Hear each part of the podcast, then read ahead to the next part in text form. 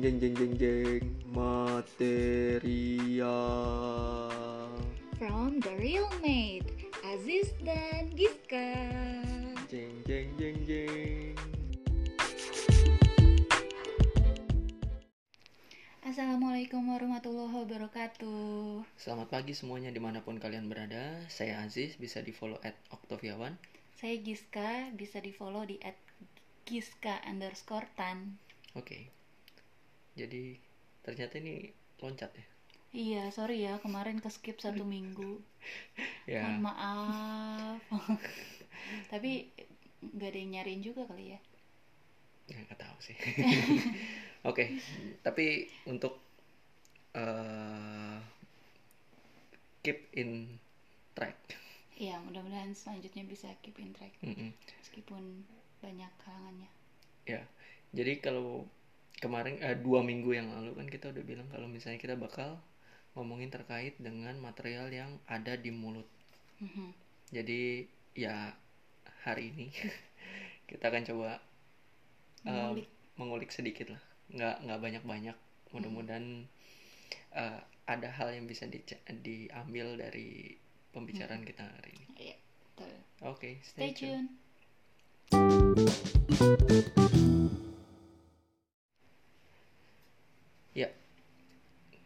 karena ini ngomongin soal mulut, dan aku rasa ini lumayan sering sih sebenarnya dipakai sama orang-orang. Jadi mungkin eh, kita perlu melihat lagi apa nih yang mau kita bahas. Hmm. Kalau aku sih make. Kamu pakai? Mm-mm. Ya aku juga pakai sih, walaupun Sekarang Eh, udah nggak tahu ke mana. Nah, itu dia. Nggak tahu ke mana. Jadi yang ada di mulut itu kan sebenarnya material tambelan ya. Gigi. Ya gigi. Iya, pasti banyak di antara teman-teman yang pernah giginya ditambal ya. Iya, karena benar. bolong. Hmm, Kalau aku pribadi sih sekarang tambelannya itu nggak bertahan lama. Jadi sekarang udah nggak tahu di mana dan akhirnya kebuka lagi dan ya Terakhir kamu tambal gigi itu kapan? Udah lumayan lama sih sebenarnya. Cuman lepasnya juga udah lama. Oke, jadi kalau kamu bisa ingat-ingat kira-kira kamu uh, dari pas kamu pasang tambelan gigi sampai itu lepas kurang lebih rentangnya kurang dari berapa lama kah? around dua tiga tahun kayaknya Hmm, dua tiga iya, tahunan ya Karena memang berdasarkan datanya tambelan gigi itu uh, dalam tujuh tahun 50 persennya gagal, 50 persennya lepas. oh gitu jadi itu termasuk cepat aku ya Karena emang kondisi orang kan beda-beda. Oh iya, Yang balik sih. lagi waktu itu aku sebut jenis saliva tiap orang pun beda-beda terlepas dari kita makan apa.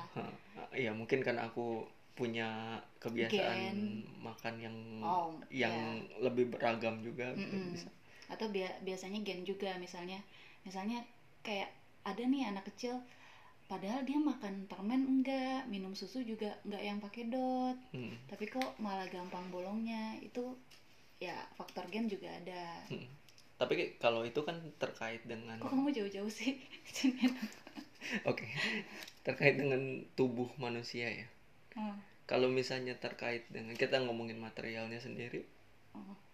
kenapa ada ada ada ada alasan gak sih kenapa Iya. cuma tujuh tahun kenapa nggak bisa Oke. Everlasting gitu Mm-mm. Eh, kita ngomongin material dari tambelan gigi itu dulu ya, supaya bisa paham nih Hmm. ininya apa em, penyebabnya. Jadi mat kayak yang kita tahu struktur gigi itu kan ada dua nih, ada lapisan luarnya itu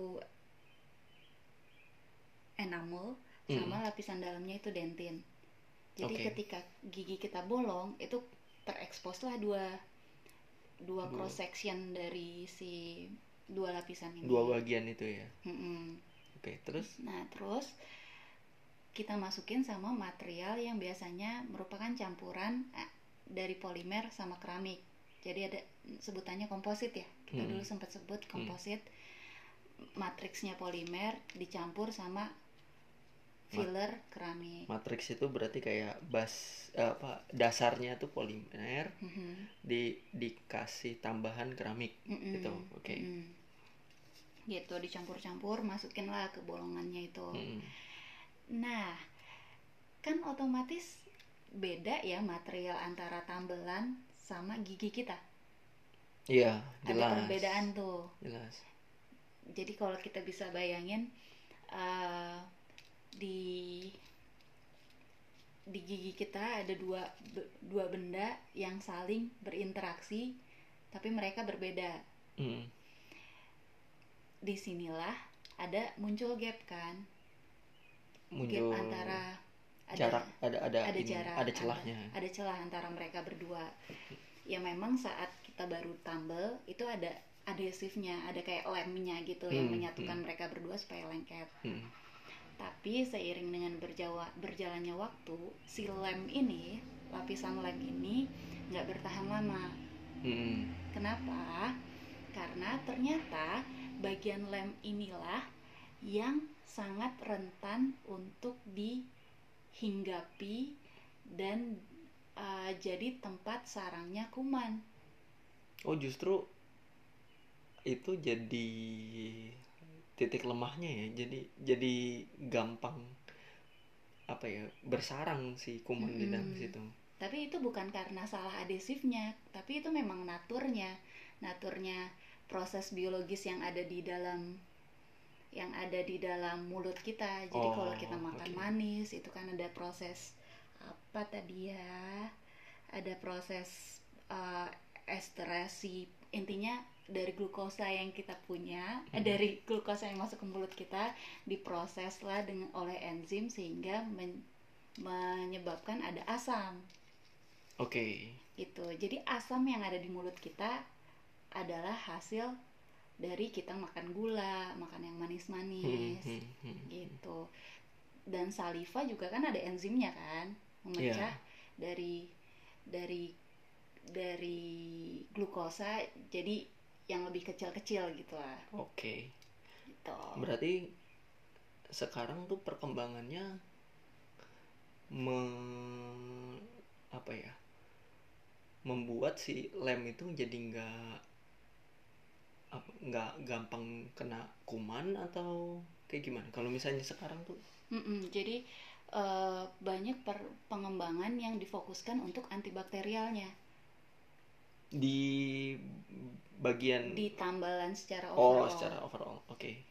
Karena bahaya banget kan sekalinya ada bakteri itu menghasilkan asam dan asam itu bakal mempercepat reaksi pembolongan itu tadi. Hmm, jadi justru benar-benar malah bukannya menambal dan menahan supaya nggak tambah bolong ini malah memper- mempercepat proses di eh, sisa sisa, eh, sisa gigi yang yang bolong itu jadi malah tambah cepat rusak dong kalau tambelannya jadi secara ya tapi tetap lebih baik ditambal oh oke karena kan kalau misalnya proses itu tetap terjadi ada tambalan ataupun enggak oh oke oke cuman ketika kamu udah punya tambalan dan ada si lapisan lem itu Hmm. lapisan lem itulah yang akan pertama kali diserang oleh bakteri oh Nah, kalau adhesifnya habis kan otomatis ada gap kan? Hmm. Itu mereka udah nggak saling bersatu lagi dan makanya tambelan lepas. Oh, jadi karena adanya eh, si lem itu dimakan eh, mungkin quote and quote dimakan lah ya sama Mm-mm. bakteri itu Mm-mm. lemnya udah nggak ada jadi keramik sama si polimernya tuh lepas karena nggak si karena si lemnya udah dimakan iya, sama bakteri Iya, ya. karena lemnya udah nggak ada. Dan makanya kal- kalau aku sih dulu tambelan tuh nggak nggak langsung copot semuanya ya, tapi copot dikit, dikit ha, dikit, ha, karena ke- ka- kamu ngebayangin, kita ngebayangin kayak si bakteri itu masuk makin dalam, makin dalam, makin dalam, jadinya kayak digerap-gerap Ke- gitu kan. di apa di digali-gali dikit-dikit gitu Iya, ya. digali dikit-dikit. Oke, kita lagi ngebahas terkait dengan cara bakteri bekerja. iya, ini karena iya, itulah. nah, pengembangannya tadi yang kamu tanya itu adalah uh, pengemba- pengembangan ke arah antibakterial. Dan Hmm. selain antibakterial juga yang bisa meremineralisasi gigi apaan tuh Jadi selain melih- menghilangkan bakterinya, itu bikin ada ikatan antara si tambelan dengan si gigi. Jadi nggak perlu lem lagi, mereka udah saling berinteraksi dan saling mengikat. oh aku bisa bilang jadi sekarang perkembangannya adalah kayak eh, kalau mungkin pernah dengar self healing materials gitu atau Mhm. jadi kayak membuat itu jadi kayak tumbuh Iya. bersama Iya. jadi si tambelan sama si gigi nanti nyatu ada ikatan secara alamiahnya justru sekarang Iya, betul. Jadi ada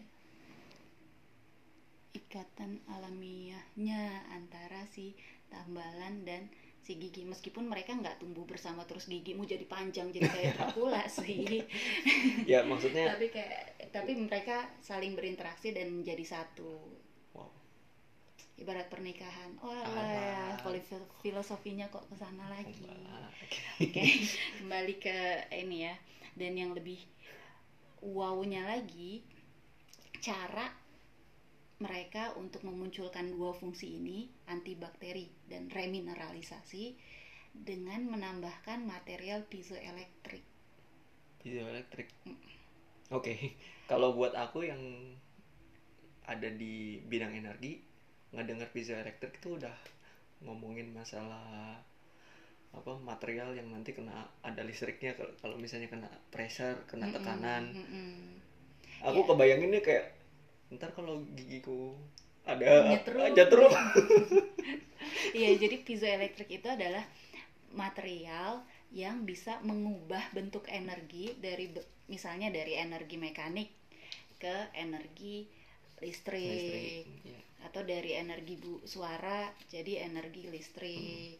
Iya. Kayak bayangin kamu mencet tombol remote Hmm. itu kan dari uh, dari sensor secara mekanik terus Hmm. diubah jadi energi yang lain kan. Atau mungkin yang paling simpelnya sih kalau buat tak mau tahu piezoelektrik tuh mungkin di beberapa gedung Mhm. itu biasanya kita lewat terus tiba-tiba lampu hidup tuh karena itu sebenarnya dia di bawahnya itu sudah dikasih material piezoelektrik Mhm. yang ngalirin listrik ke lampu Iya betul. nah itu i- Mhm. si- eh, simpelnya mungkin kalau piezoelektrik kita ngomonginnya terkait dengan self self sufficient building kayak kayak gitu Mhm. nah tapi ya balik lagi ke Gitu, material iya, kalau itu gigi. kan building Uh, ya. ya kalau misalnya Sesuatu andai kata kita ngunyah gitu tiba-tiba kita kita ngasih pressure ke gigi terus itu gigi bikin kita nyetrum gitu Nah itu itu itu yang menarik. Jadi memang faktanya yang bikin tambelan itu copot itu kan memang proses yang tadi aku sebutkan. Tapi itu proses kita ngomong, kita ngunyah itu mempercepat proses uh, tambalan itu lepas. Nah, fungsinya material piezoelektrik itu adalah bagaimana caranya supaya proses kita ngomong, proses kita ngunyah, yang berarti kita memberikan energi mekanik ke mulut, Mm. itu bisa dipakai untuk menghilangkan bakteri. Oh Jadi malah fung- efek yang sama-sama dari proses katalisis ya, kayak mempercepat reaksi, tapi yang kita inginkan reaksi yang berkebalikan. oke. Yang bukannya mempercepat eh, bukannya mempercepat degradasi si tambelan melainkan menguatkan si tambelan itu sendiri. Oke justru jadi si material piezoelektrik ini ada tujuannya adalah antibakteri gitu ya. Karena jadi ketika kita ngasih pressure kita ngomong kita ngunyah bakteri itu hancur dengan dengan karena ada energi mekanis yang diubah jadi energi listrik si bakteri-bakteri itu mati gitu. Dia pergi. Jadi karena ada kunyahan ada proses mekanik itu itu akan ada menghasilkan electric charge muatan listrik. Ada listrik? Muatan listrik yang ya kamu nggak bisa bilang kamu bisa kesetrum tapi itu muatan listrik yang sangat-sangat kecil. Oke. Jadi yang bisa hilang yang bisa pergi ya yang skala kecil juga kayak Hmm, bakteri. hmm, hmm, hmm, hmm. oke. Dan fungsi lainnya dengan piezoelektrik itu kan uh, ke apa muatan listrik ya. Hmm.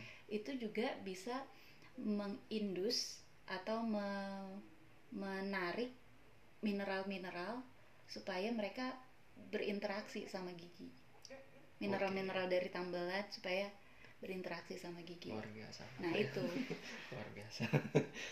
Ya mungkin pertanyaannya pertanyaan sekarang tuh adalah ya kalau misalnya tadi kamu bilang listriknya nggak bakal kesetrum oke. Mhm. karena kan itu kita bisa ini.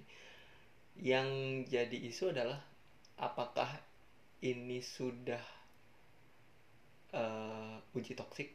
Maksudnya apakah ini eh, nggak ada efek samping gitu? Mhm. yang kedua dari sisi mungkin komersialnya kali ya. Udah sempet kepikiran atau at- eh, maksudnya ini ini bukan riset ya saya bukan sih bukan riset kamu sih tapi maksudku mungkin kamu punya info gitu. Oke, Eh, kalau yang aku tahu ini memang masih dikembangin sama beberapa perusahaan em, yang memang memproduksi dental biomaterials ya, misalnya apalagi eh, su apa pusat penelitian di dental biomaterials kayak salah satunya di Johns Hopkins oh oke University. Ya, aku nggak tahu sih sampai sejauh mana Iya. uh, riset ini sudah berjalan, tapi tentunya tetap harus diperhatikan juga toksikologinya. Um, apakah ini toksik atau enggak? Apalagi kalau kita ngomongin um, material yang logam atau yang nano, apalagi yang piezoelektrik, Mm-mm. ada efeknya nggak sih kalau ternyata ketelan kan Mm-mm. ke nah itu itu dia makanya itu yang jadi ini. ya tapi idenya amazing Iya. menurutku di mana ya pisau elektrik lo tanam di gigi lo jadi apa itu dan ada pengembangan lainnya sih kalau untuk dental biomat- biomaterials kayak ada juga yang self healing compo nano composite jadi kalau misalnya eh, misalnya tambelan gigimu itu bayangkan ada em, pori-porinya. Mm-mm. ketika pori-porinya itu uh, ketika ada patahan si pori-pori itu akan mengeluarkan obat untuk menutup patahan itu pori-porinya ini diisi sama kayak kapsul lah bukan pori-pori mungkin. Oh tapi ini bentuknya tambelan? Tambelan. Oh tambelan. Jadi tambel emang sudah ditambel terus tiba-tiba kalau ada yang patah si pori-pori itu bakal kayak ngasih Uh, si pori-pori atau mikrokapsul itu bakal mengeluarkan uh, material yang dia bakal langsung menutup si crack tersebut. Luar biasa. Patahan tersebut. Ya gitulah. Iya. Seru sih. Ternyata banyak loh aktivitas-aktivitas material saintis di sini di di seluruh Iya. dunia. Dan iya dan yang yang nggak habis pikir tuh ya ya yang tadi terkait dengan piezoelektrik gimana dulu waktu pas kita kuliah kita pikirannya adalah kayak itu hanya dipakai untuk mm, barang-barang elektronik. Hmm, ternyata ternyata banyak. sekarang bahkan udah dipakai di dalam tubuh kita. Hmm. tapi aku mau nanya deh kamu piezoelektrik ya kenapa? Kok aku sentuh kayak langsung ada kesetrum gitu di hatiku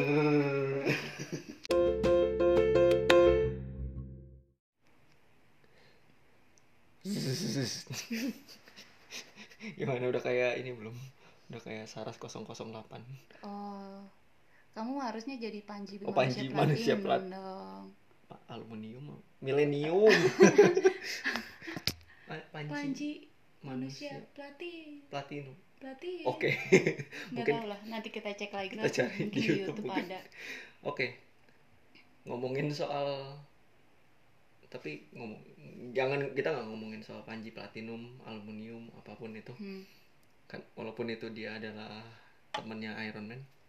Oke stop stop stop tapi kamu lanjutin Stop, ya stop, stop. pak. Oke. Ya apa ya? Mi- mi- speechless sih aku masih. Oke ming- minggu depan minggu depan. Oke minggu depan. Minggu depan Udah. insya Allah minggu depan. Insya Allah atau ya ya. rilis besok juga alhamdulillah iya. ya. oke. Karena kita bayar utang. Udah kayak puasa di kodok apa ya? Aku mau yang basic dulu deh. Yang basic kayak apa ya? Apalagi basic kayak plastik kita belum pernah bahas loh polimer oke tapi kalau cuman plastik atau polimer ini kita kita kita spesifikin gitu kayak polimer yang ada di sekitar kita apalagi yang yang gampang deh yang gampang buat dipahami kan yang ada nomornya tuh satu dua tiga empat Oh, enam, recyclable. di- Heeh. oke seenggaknya si 6 1 sampai 6-nya dulu kita lihat. oke Jadi boleh kali aja nih tanpa kita melihat label bawahnya kita udah tahu ah ini mah oke polyethylene setuju gitu. setuju soalnya ini juga mungkin mendukung program pemerintah daerah yang lagi gencar-gencar ngurangin plastik sampah plastik Iya, ngurangin Jadi- sampah plastik. Tapi jangan produksinya ya. Tapi besok aja lah kita bahas kenapa. oke oke so stay tune terus untuk minggu depan Thank you ya udah nunggu meskipun telat seminggu. oke Bye bye. bye